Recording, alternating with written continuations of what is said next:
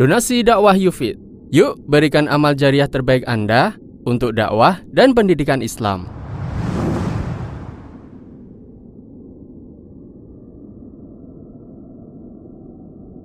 Bismillahirrahmanirrahim. Assalamualaikum warahmatullahi wabarakatuh. الحمد لله رب العالمين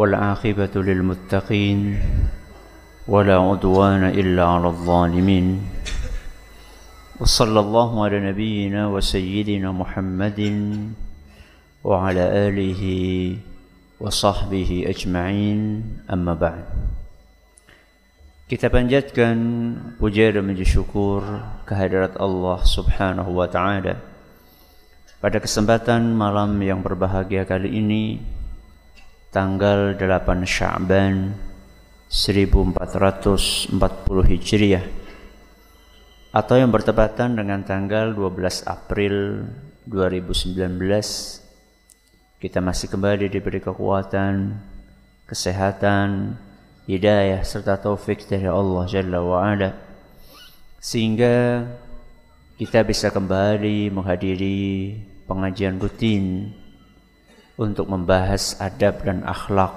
di dalam Islam dari Kitabul Jami' karya Imam Ibn Hajar Al-Asqalani dalam kitab beliau Bulughul Maram. Kita berharap semoga Allah Subhanahu wa taala berkenan untuk melimpahkan kepada kita semuanya ilmu yang bermanfaat sehingga bisa kita amalkan sebagai bekal untuk menghadap kepada Allah Jalla wa Ala. Allahumma amin. Salawat dan salam semoga senantiasa tercurahkan kepada junjungan kita Nabi besar Muhammad sallallahu alaihi wasallam kepada keluarganya, sahabatnya dan umatnya yang setia mengikuti tuntunannya hingga akhir nanti. Para hadirin dan hadirat sekalian yang kami hormati, dan juga segenap pendengar Radio Insani 88.8 FM di Purwokerto, Purbalingga, Banyumas, Banyanegara, Cilacap, Wonosobo, Kebumen dan sekitarnya.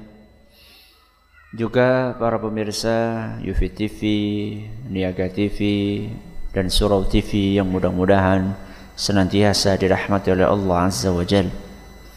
Alhamdulillah pada pertemuan terakhir kita telah menyelesaikan pembahasan tentang hadis nomor 31. Mulai hari ini kita akan mengkaji hadis berikutnya yaitu hadis nomor 32. Hadis tersebut berbunyi wa an Abi Hurairah radhiyallahu anhu qala dari sahabat Nabi sallallahu alaihi wasallam yaitu Abu Hurairah. Sinten? Abu Hurairah. Semoga Allah meridai beliau. Beliau berkata, qala Rasulullah sallallahu alaihi wasallam. Rasulullah sallallahu alaihi wasallam bersabda, ta'isa abdud dinari wad dirhami wal qatifah celaka, merugi, dan binasa. Hamba dinar. Hamba dinar. Apa dinar? Uang emas.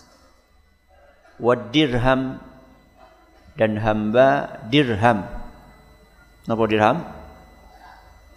Uang perak wal qatifah. Busana. Apa? Busana. Ya baju ya celana. Ya. Kemudian Nabi SAW melanjutkan sabdanya in u'tiya rodiya budak harta ini kalau dia dikasih dikasih harta maka dia akan ridho. Wa illam yu'ta lam yarda. Seandainya tidak dikasih, maka dia tidak ridho. Alias dia akan protes. Akhrajahul Bukhari. Hadis riwayat Bukhari.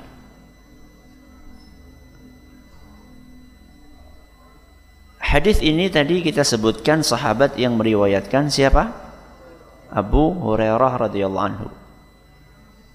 Dan ini tidak akan kita bahas biografinya karena kita telah menyampaikan biografi Abu Hurairah pada beberapa pertemuan yang lalu. Sehingga kita akan langsung masuk kepada kandungan dari hadis ini. Kita akan bagi Penjabaran dari hadis ini menjadi dua pertemuan insya Allah. Hari ini dan pertemuan yang akan datang. Hari ini kita akan membahas sabda Nabi sallallahu alaihi wasallam ta'isa abdud dinari wad dirhami wal khatifah. Sampai di sini kita akan bahas insya Allah.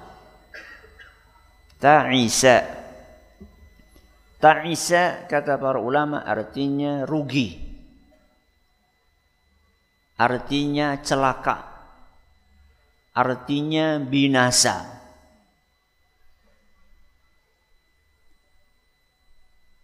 Nabi sallallahu alaihi wasallam kata para ulama sedang mendoakan atau sedang mengkhabarkan kenyataan Nabi SAW kata para ulama dalam hadis ini sedang mendoakan atau mengkhabarkan tentang kenyataan. Kemungkinan yang pertama Nabi sedang mendoakan bahwa para budak dunia didoakan oleh Nabi SAW untuk rugi, celaka, binasa. Siapa yang mendoakan? Nabi SAW. Kira-kira mustajab atau tidak? Rasul SAW. Beliau yang mendoakan. Celaka. Rugi. Binasa. Nabi SAW katakan rugi. Padahal dia menjadi budak dunia pengen pengennya untung. Dia jadi budak dunia, budak harta kan pengennya mengumpulkan sebanyak-banyaknya. Tapi Nabi SAW katakan ta'isa, rugi.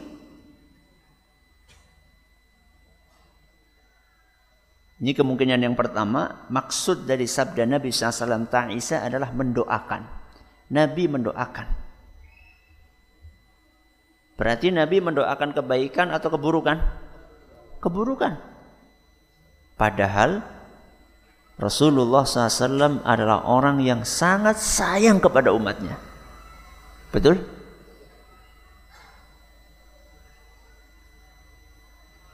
Bahkan Rasulullah SAW ketika ditawari oleh Allah Subhanahu wa taala doa yang mustajab untuk beliau gunakan di dunia Nabi Shallallahu Alaihi Wasallam simpan doa tersebut. Beliau ingin doa itu diganti dengan syafaat yang bisa diberikan untuk umatnya nanti di hari kiamat. Saking sayangnya Rasulullah SAW kepada umatnya. Tapi dalam hadis ini Nabi SAW mendoakan budak dunia dengan kebaikan atau keburukan? Keburukan.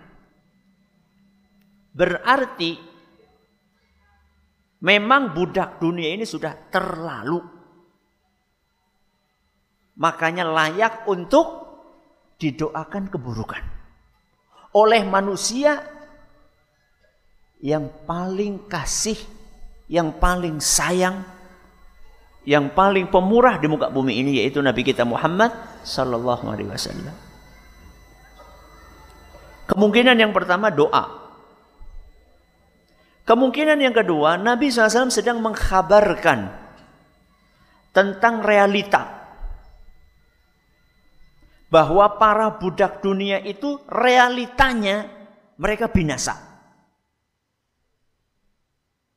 Dan fakta membuktikan hal itu. Sekaya apa pun manusia, ketika dia jadi budak dunia, maka dia akan binasa. Contohnya siapa? Korun.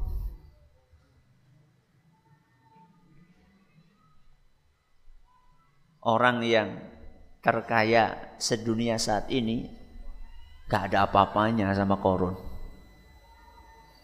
Gak ada apa-apanya sama korun. Bong kekayaannya saja disimpan di gudang, gudangnya dikunci.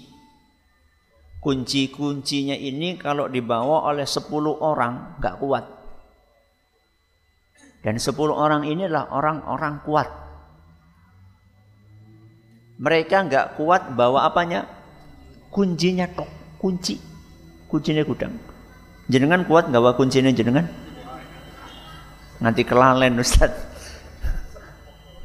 Karena saking ringannya kunci. Kunci gudangnya saja dibawa oleh 10 orang, nggak kuat 10 orang itu gotongan. Gak ada apa-apanya orang kaya. Orang paling kaya menurut majalah Forbes di zaman nggak ada apa-apanya sama korun. Ternyata korun pun binasa. Seluruh hartanya ditenggelamkan oleh Allah Subhanahu wa taala. Dan sampai sekarang masih dicari-cari oleh orang sedunia. Harta karun. Hartanya korun. Wong Jawa angel ngomong korun. Gampangnya apa? Karun. Jadi ta'isa itu artinya apa tadi? Rugi, celaka, binasa. Siapa yang rugi, celaka, binasa? Abdud dinari wad dirhami wal khamisah. Yang celaka dan binasa, yang rugi adalah budaknya dinar, dirham, dan busana. Alhamdulillah, wong Indonesia orang ngau dinar Ustaz. Wong Indonesia orang nganggo dir, dirham. Itu sampel mas, sampel, contoh Ini dinar, dirham, busana ini adalah perwakilan dari rupiah, dolar, real, apa Peso, apa? Yen, ringgit, mlebu kabeh wis. Itu perwakilan saja.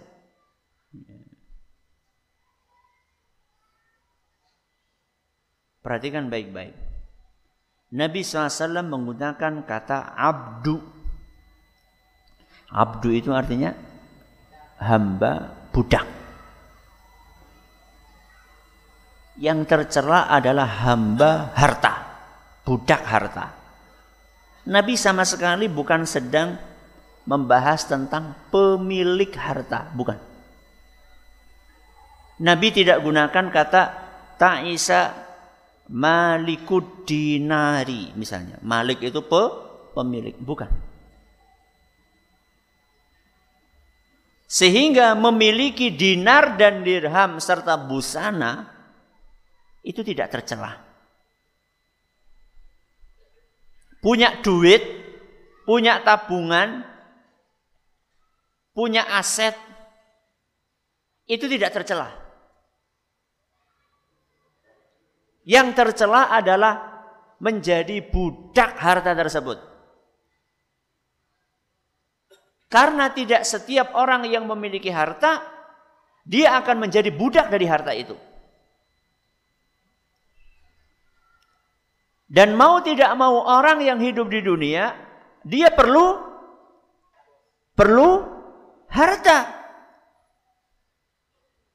Karena dia hidup di dunia perlu makan, perlu apa? Minum, perlu baju, perlu rumah, perlu kendaraan, perlu uang untuk menafkahi anak dan istri. Sehingga tidak ada yang salah ketika ada seorang bekerja untuk mencari harta. Gak salah. Bahkan Allah Subhanahu wa taala dalam surat Al-Qasas ayat 77 Allah Subhanahu wa taala berpesan wala tansa nasibaka minad dunya Jangan kau lupakan jatahmu di dunia ini. Jatahnya apa? Ya harta. Kebutuhan kita di dunia makan, minum, nikah, rumah, pakaian, kendaraan itu jatah kita di dunia. Allah Subhanahu wa taala sampai berpesan wala tansa, jangan lupa kamu punya jatah. Gunakan itu cari manfaatkan. Jadi yang dibahas oleh Nabi SAW bukan pemilik harta. Tapi yang dibahas adalah budak harta. Budak dunia. Ini label keren apa jelek? Budak dunia. Keren apa jelek? Jelek. Dan saya yakin gak ada orang yang mau dijuluki budak dunia. Ada? Saya pikir nggak ada. Yang masih sehat ya. Yang masih sehat. Saya pikir nggak ada orang yang mau dikatakan budak dunia. Walaupun barangkali realitanya dia memang budak dunia. Tapi dikatakan budak dunia nggak mau dia. Bahkan dia akan berusaha menepis anggapan tersebut. Tapi kita harus tahu apa sebenarnya ciri-ciri orang ketika sudah jadi budak dunia? Apa sebenarnya tanda-tanda kalau orang sudah menjadi budak rupiah? Apa indikatornya ketika seorang sudah menjadi hamba dari mobil, dari rumah, dari busana?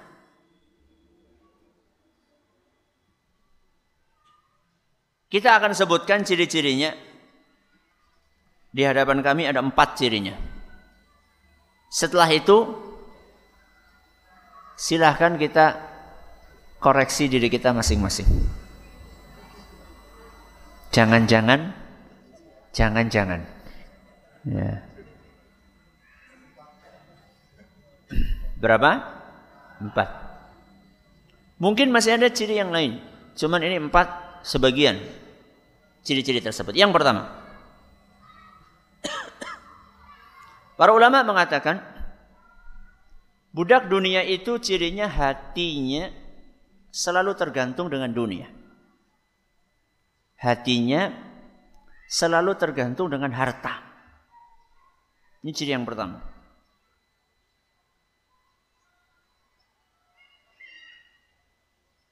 Saya kali saya kasih ilustrasi. Mukmin itu hambanya siapa? Hambanya Allah. Dia itu menuhankan sinten? Allah. Buktinya dia menuhankan Allah apa? Buktinya hatinya selalu tergantung kepada Allah. Budak dunia menuhankan harta. Buktinya apa? Buktinya hatinya selalu tergantung dengan harta. Berarti harta sudah jadi Tuhan dia.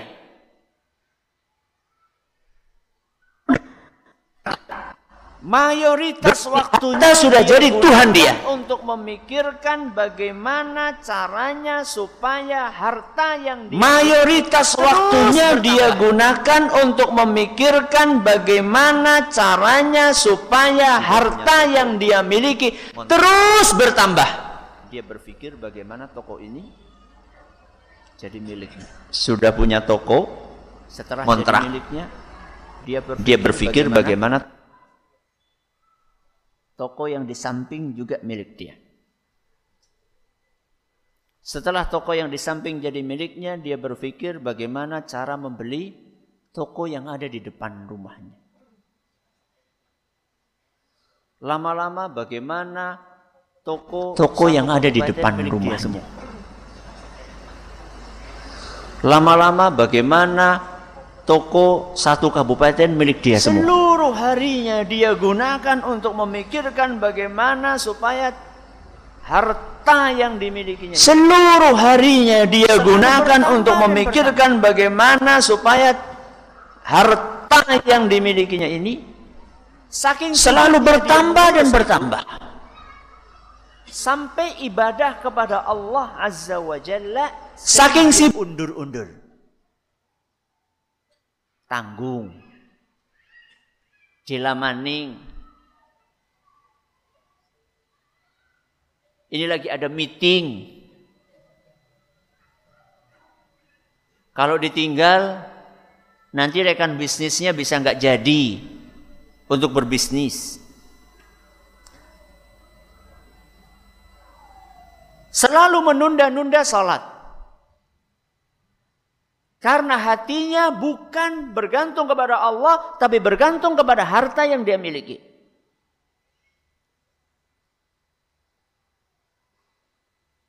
Seandainya sholat pun, ketika sholat yang dipikirkan bukan Allah, yang dipikirkan adalah bisnis dia. Sudah ketika sholat yang dipikirkan bisnisnya, sholatnya pun secepat-cepatnya karena habis sholat dia dikejar dengan bisnis yang lainnya. Ini bukti bahwa hatinya tergantung dengan harta. Dan ketika dia sedang mengejar suatu tender, maka dia berdoa kepada Allah. Salah? Salah atau tidak? Tidak salah. Tapi ketika dia minta tender ini doanya khusyuk melebihi khusyuknya dia minta surga.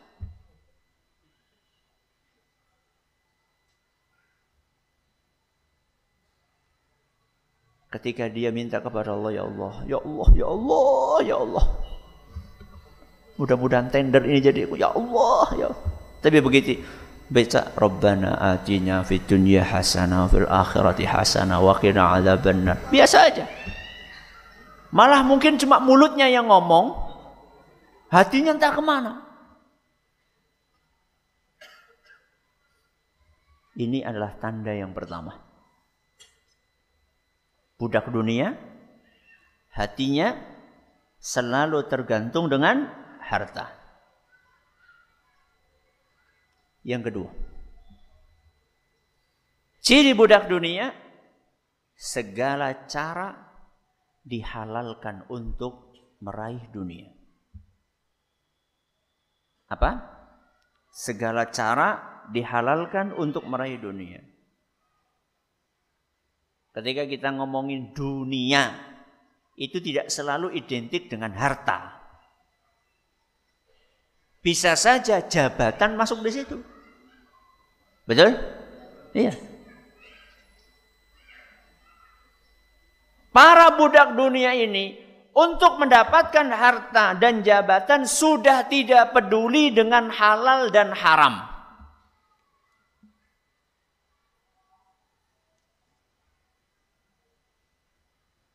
Para pemburu harta, dia nggak peduli lagi Apakah harus nyebur kepada riba supaya dapat modal sebanyak-banyaknya? Atau harus nyogok supaya dapat proyek? Atau harus menipu supaya barangnya bisa dibeli dengan harga yang tinggi? Mas, ke asli temenan, asli. Untuk KW temenan. Mas, ke motor anyar, anyar gres. Padahal lebih metu sekang. Apa kayak magic apa ketok apa? Ketok magic. Baru keluar dari ketok magic bilang baru. Baru, iya baru. baru keluar dari bengkel. Segala cara dihalalkan untuk mendapatkan harta. Ini ciri yang kedua, budak dunia. Tadi dunia saya katakan tidak identik, hanya identik dengan harta. Tapi juga termasuk jabatan. Ciri penghamba jabatan adalah menghalalkan segala cara untuk mendapatkan jabatan. Tidak peduli walaupun harus curang.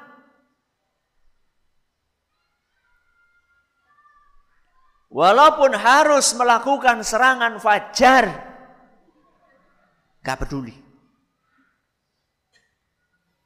Walaupun harus menggunakan fasilitas negara untuk kepentingan pribadi, gak peduli. Walaupun harus melontarkan hoax dan fitnah kepada pesaingnya, gak peduli. Yang penting dapat jabatan. Inilah indikator budak jabatan.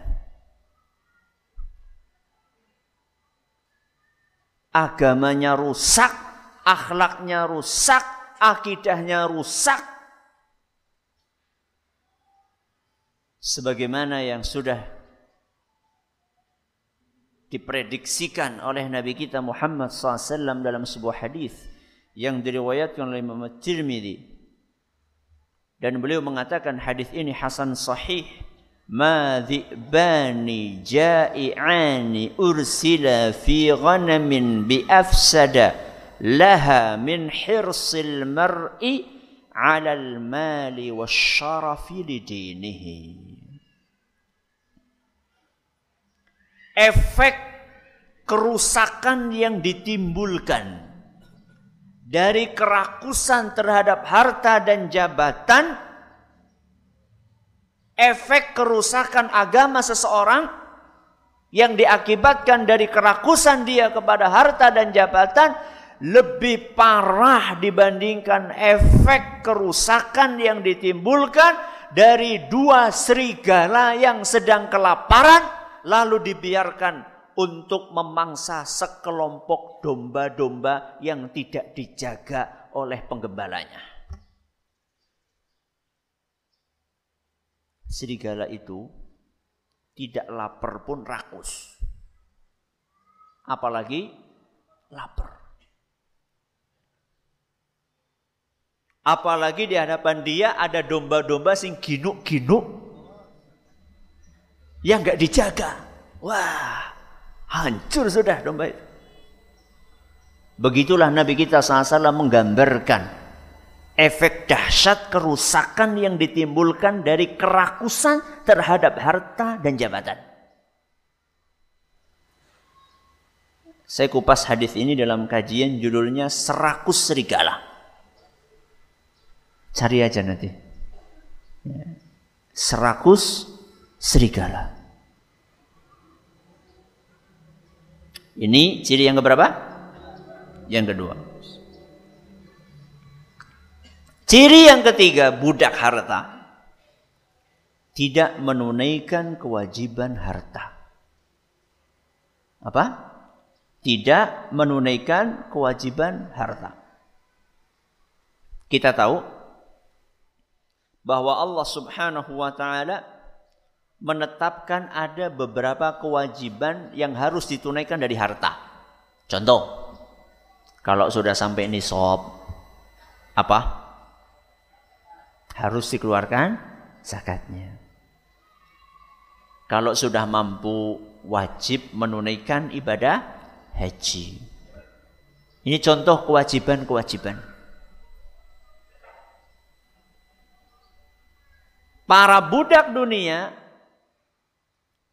Saking cintanya kepada harta yang dia kumpulkan, begitu datang perintah Allah Subhanahu wa taala untuk mengeluarkan zakat dari hartanya atau menggunakan hartanya untuk berhaji, maka dia akan sangat berat sekali. Lebih milih manut kepada setan dibandingkan manut kepada Allah.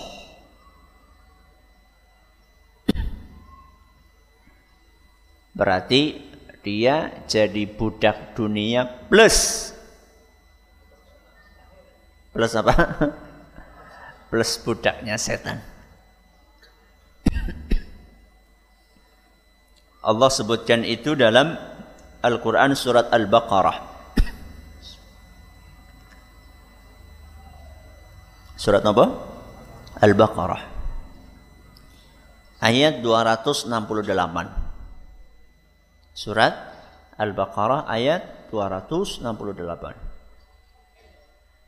Allah Subhanahu wa taala berfirman, "Asy-syaitanu ya'idukumul faqra wa ya'murukum bil fahsya." Setan itu menakut-nakuti kalian dengan kemiskinan dan ngajak kalian untuk berbuat kejahatan. Ini siapa ini? Setan. Lalu ayat ini dilanjutkan, wallahu adapun Allah ya'idukum maghfiratan minhu wa fadla. Adapun Allah maka dia menjanjikan untuk kalian ampunan dan karunia. Ada harta di hadapan kita. Ketika kita mau mengeluarkan, setan nakut-nakuti kita, jangan eman-eman, kesel-kesel golet, penak temen kayak kurgari, nampani. Jangan, haji itu biayanya besar. Mendingan buat modal, buka toko yang satunya. Ya. Mau berangkat umroh, ada orang minta sumbangan buat masjid, ada anak yatim minta bantuan, jangan. Mendingan buat nikah lagi. Nikah kan ibadah Ustaz.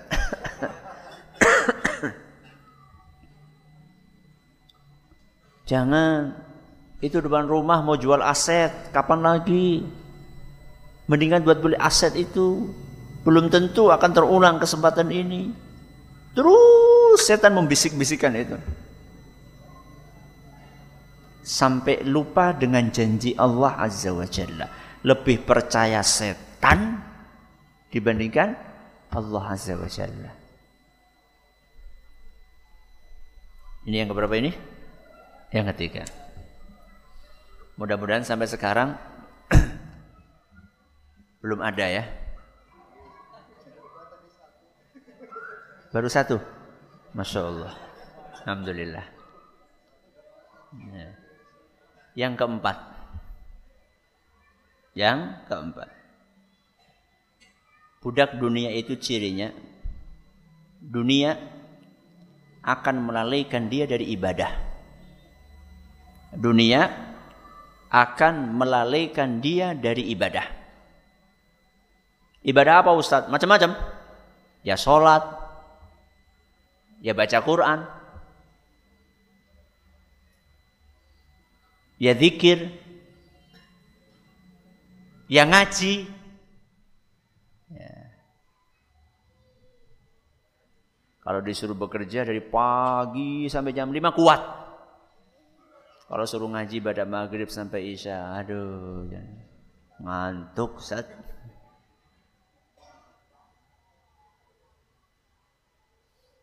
Tidak sedikit orang-orang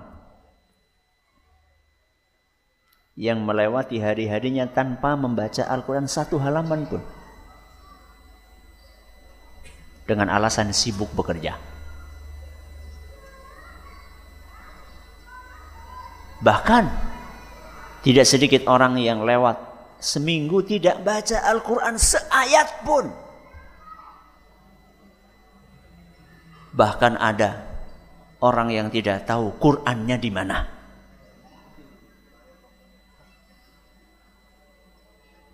Karena terakhir megang Quran ketika nikah. Al-Quran dan seperangkat alat sholat. Dan sampai sekarang masih dibungkus rapi.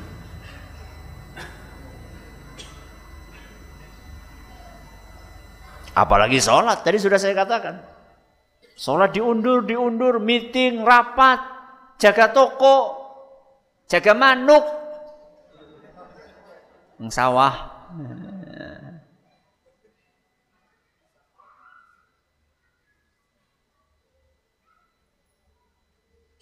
Padahal Allah di dalam Al-Quran berpesan apa?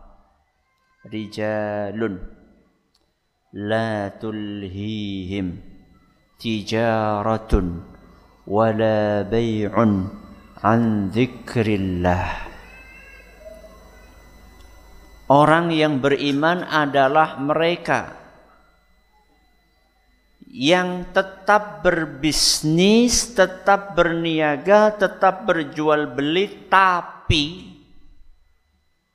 ini semua tidak melalaikan dia dari mengingat Allah wa iqamis salati dan menunaikan salat wa ita'iz zakati dan mengeluarkan zakat. Jadi orang yang beriman itu bisnis. Orang yang beriman itu berdagang. Akan tetapi perdagangan, bisnis, niaga dia tidak membuat dia lalai dari ibadah kepada Allah. Jaga toko, jaga toko, tapi zikir tidak lupa. Dagang, dagang, tapi waktunya sholat, sholat.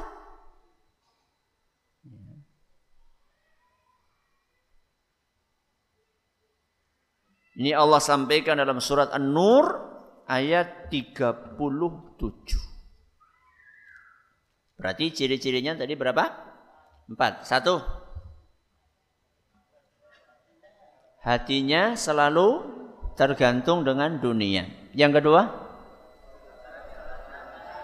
menghalalkan segala cara untuk mendapatkan dunia. Yang ketiga, tidak apa? Tidak menunaikan kewajiban harta. Yang keempat, dunia melalaikan dia dari ibadah kepada Allah. Ustaz, tadi sudah disampaikan dunia itu tidak hanya identik dengan harta, tapi juga identik dengan jabatan. Apakah kesimpulan pengajian ini kita orang Islam harus jadi orang miskin dan tidak boleh menduduki jabatan? Apakah itu kesimpulannya? Jawabannya tidak. Karena memiliki harta dan menjadi pejabat itu bukan sesuatu yang tercela. jadi orang kaya dan jadi pejabat itu bukan sesuatu yang tercela. Dia akan tercela kalau caranya tidak benar dan penggunaannya juga tidak benar. Kapan akan tercela? Kalau cara cara apa? Mendapatkan jabatan dan harta itu nggak benar atau penggunaannya tidak benar. Berarti kalau benar tidak masalah, malah bagus. Nanti kita akan jelaskan habis adzan dalilnya insya Allah Silakan. Alhamdulillahirobbilalamin, rabbil alamin wassalatu wassalamu Muhammadin wa ala alihi wa sahbihi ajma'in ma ba'd. Orang Islam boleh jadi orang kaya dan boleh jadi pejabat. Yang penting apa tadi? Caranya benar dan penggunaannya juga benar. Ketika seorang menjadi orang kaya dengan cara yang benar, yakni cara yang halal, Gak ada masalah. Para nabi pun sebagian orang kaya. Contohnya Nabi Sulaiman alaihissalam. Sebagian sahabat pun sodagar-sodagar kaya. Siapa? Abu Bakar As-Siddiq, Uthman, Abdurrahman bin Auf. Mereka sodagar-sodagar kaya. Bahkan beberapa ahli sejarah menyebutkan bahwa ketika wafat Abdurrahman bin Auf itu meninggalkan warisan berupa bongkahan-bongkahan emas yang untuk membagi-baginya perlu dibelah dengan kapak. Dan yang belai itu tangannya sampai melepuh. Padahal semasa hidup beliau, beliau infaknya tidak terhitung, saking banyaknya. Tapi beliau mendapatkan kekayaan itu dengan cara yang benar. Begitu pula jabatan. Ketika didapatkan dengan cara yang benar, tidak ada masalah. Bahkan orang-orang yang beriman harus menduduki jabatan-jabatan tersebut. Sebagaimana dahulu Nabi Yusuf alaihi salam Beliau menghendaki untuk menduduki jabatan sebagai Menteri Keuangan. Bahasa kita sekarang. Ya. Karena beliau orang yang amanah. Beliau orang yang kuat di dalam menjaga amanah tersebut.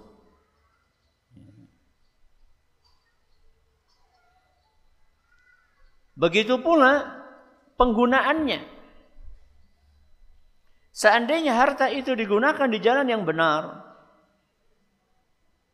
bisa jadi bahkan harta ini akan menjadi tunggangan dia ke surga Allah Azza wa Jalla.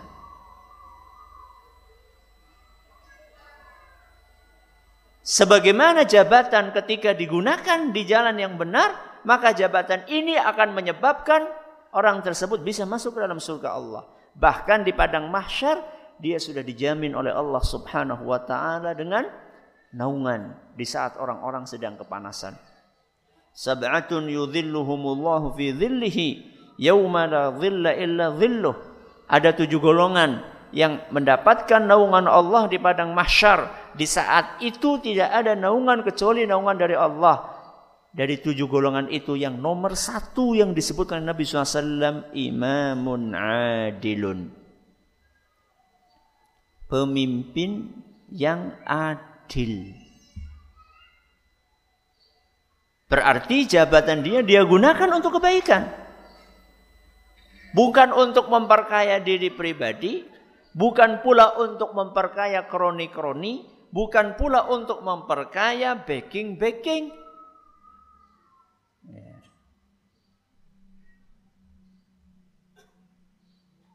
Sehingga tidak ada kesimpulan yang bisa kita ambil dari keterangan barusan bahwa orang Islam itu harus jadi miskin dan tidak boleh jadi pejabat. Yang penting cara mendapatkannya dan penggunaannya.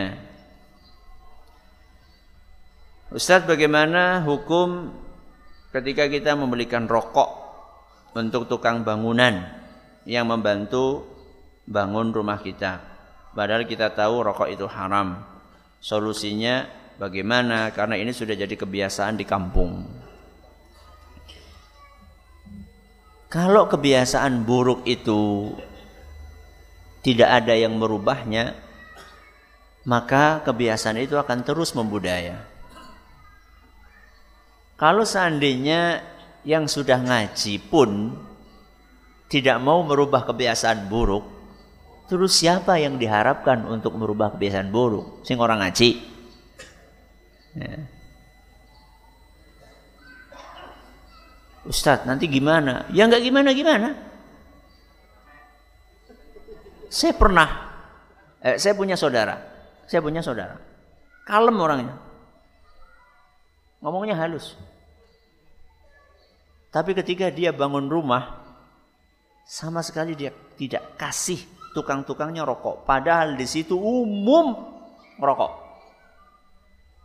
Kok bisa Ustaz? Sebelum bangun, sebelum bangun, dia sudah ketemu sama tukang-tukangnya. Dengan halus dia mengatakan, ini kita mau bangun rumah, mudah-mudahan diberkahi Allah. Saya pengen rumah yang akan saya tinggali ini berkah. Sehingga cara bangunnya, dananya pun juga saya hati-hati sekali. Dan salah satu hal yang saya khawatirkan bakalan mengganggu keberkahan rumah ini adalah ketika saya gunakan sebagian dari duit ini untuk hal-hal yang tidak diridhoi sama Allah. Contohnya rokok. Ya. Maka kalau jenengan pengen bangun di sini, saya tidak akan menyediakan rokok. Pripun? Nggih mboten napa-napa. Nah, di awal. Di awal. Kelihatannya kan kayak selesai masalah ya. Begitu mulai bangun, sepet banget ya. Dia ada di situ. Saudara saya ada di situ. Dia santai aja. Santai aja. Ya. Hari pertama, hari kedua, hari ketiga, lama-lama biasa, selesai. Bahkan kalau perlu, Anda bisa kasih stimulus kayak gini. Saya tidak kasih uang rokok, eh saya tidak kasih rokok, tapi saya kasih uang. Ini bukan uang rokok. saya kasih uang bonus. Saya nggak kasih rokok, saya kasih uang. Masalah dia kemudian menggunakannya untuk beli rokok itu urusan dia sama Allah. Tapi kita tidak ngasih dalam bentuk rokok, kita kasih uang dia. Ya. Ayah kami Allah yarham. Itu ketika bikin bangunan, ada tukang-tukang itu untuk mengurangi budaya merokok, beliau mengatakan seperti ini. Bapak-bapak, tolong ya kalau kerja di sini ketika kerja jangan di samping rokok ketika kerja. Saya nggak pengen jenengan itu kerjanya terhambat gara-gara ngerokok. Karena orang yang bekerja sambil ngerokok itu tidak seproduktif orang yang kerja sambil ngerokok. Saya ulangi. Orang yang bekerja sambil ngerokok pekerjaannya tidak seproduktif orang yang bekerja tanpa merokok.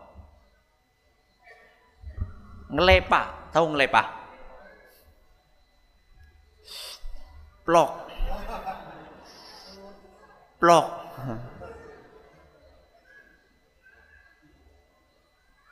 Berapa persen waktu yang hilang untuk mendingan kalau disedot ditelan. Disedot dikeluarin. Sedot keluarin.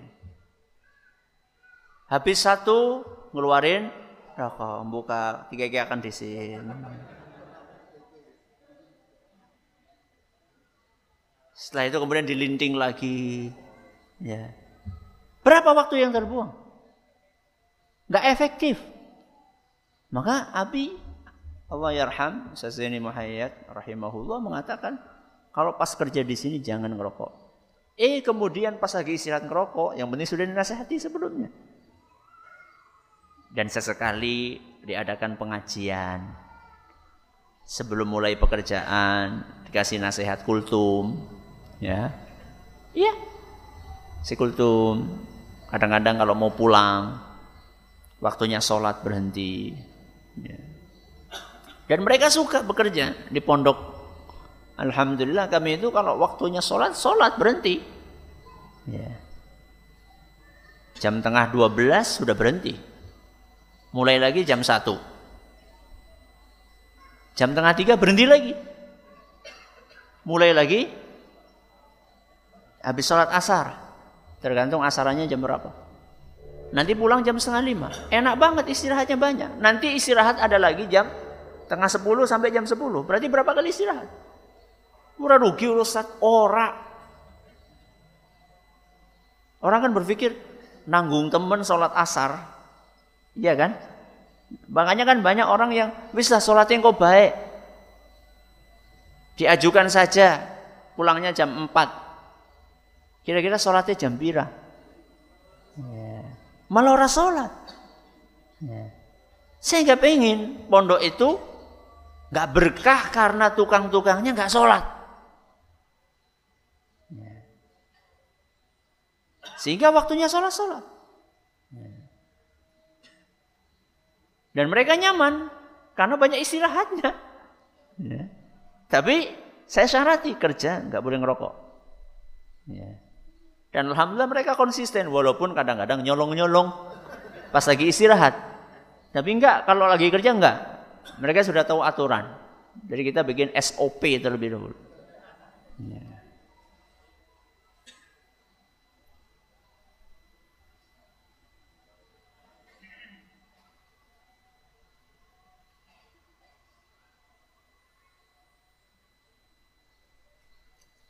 Waktunya habis. Terima kasih atas perhatiannya. Menurut segala kurangannya kita tutup dengan membaca Subhanakallahumma bihamdika asyhadu an la ilaha illa anta astaghfiruka wa atubu ilaik. Assalamualaikum warahmatullahi wabarakatuh.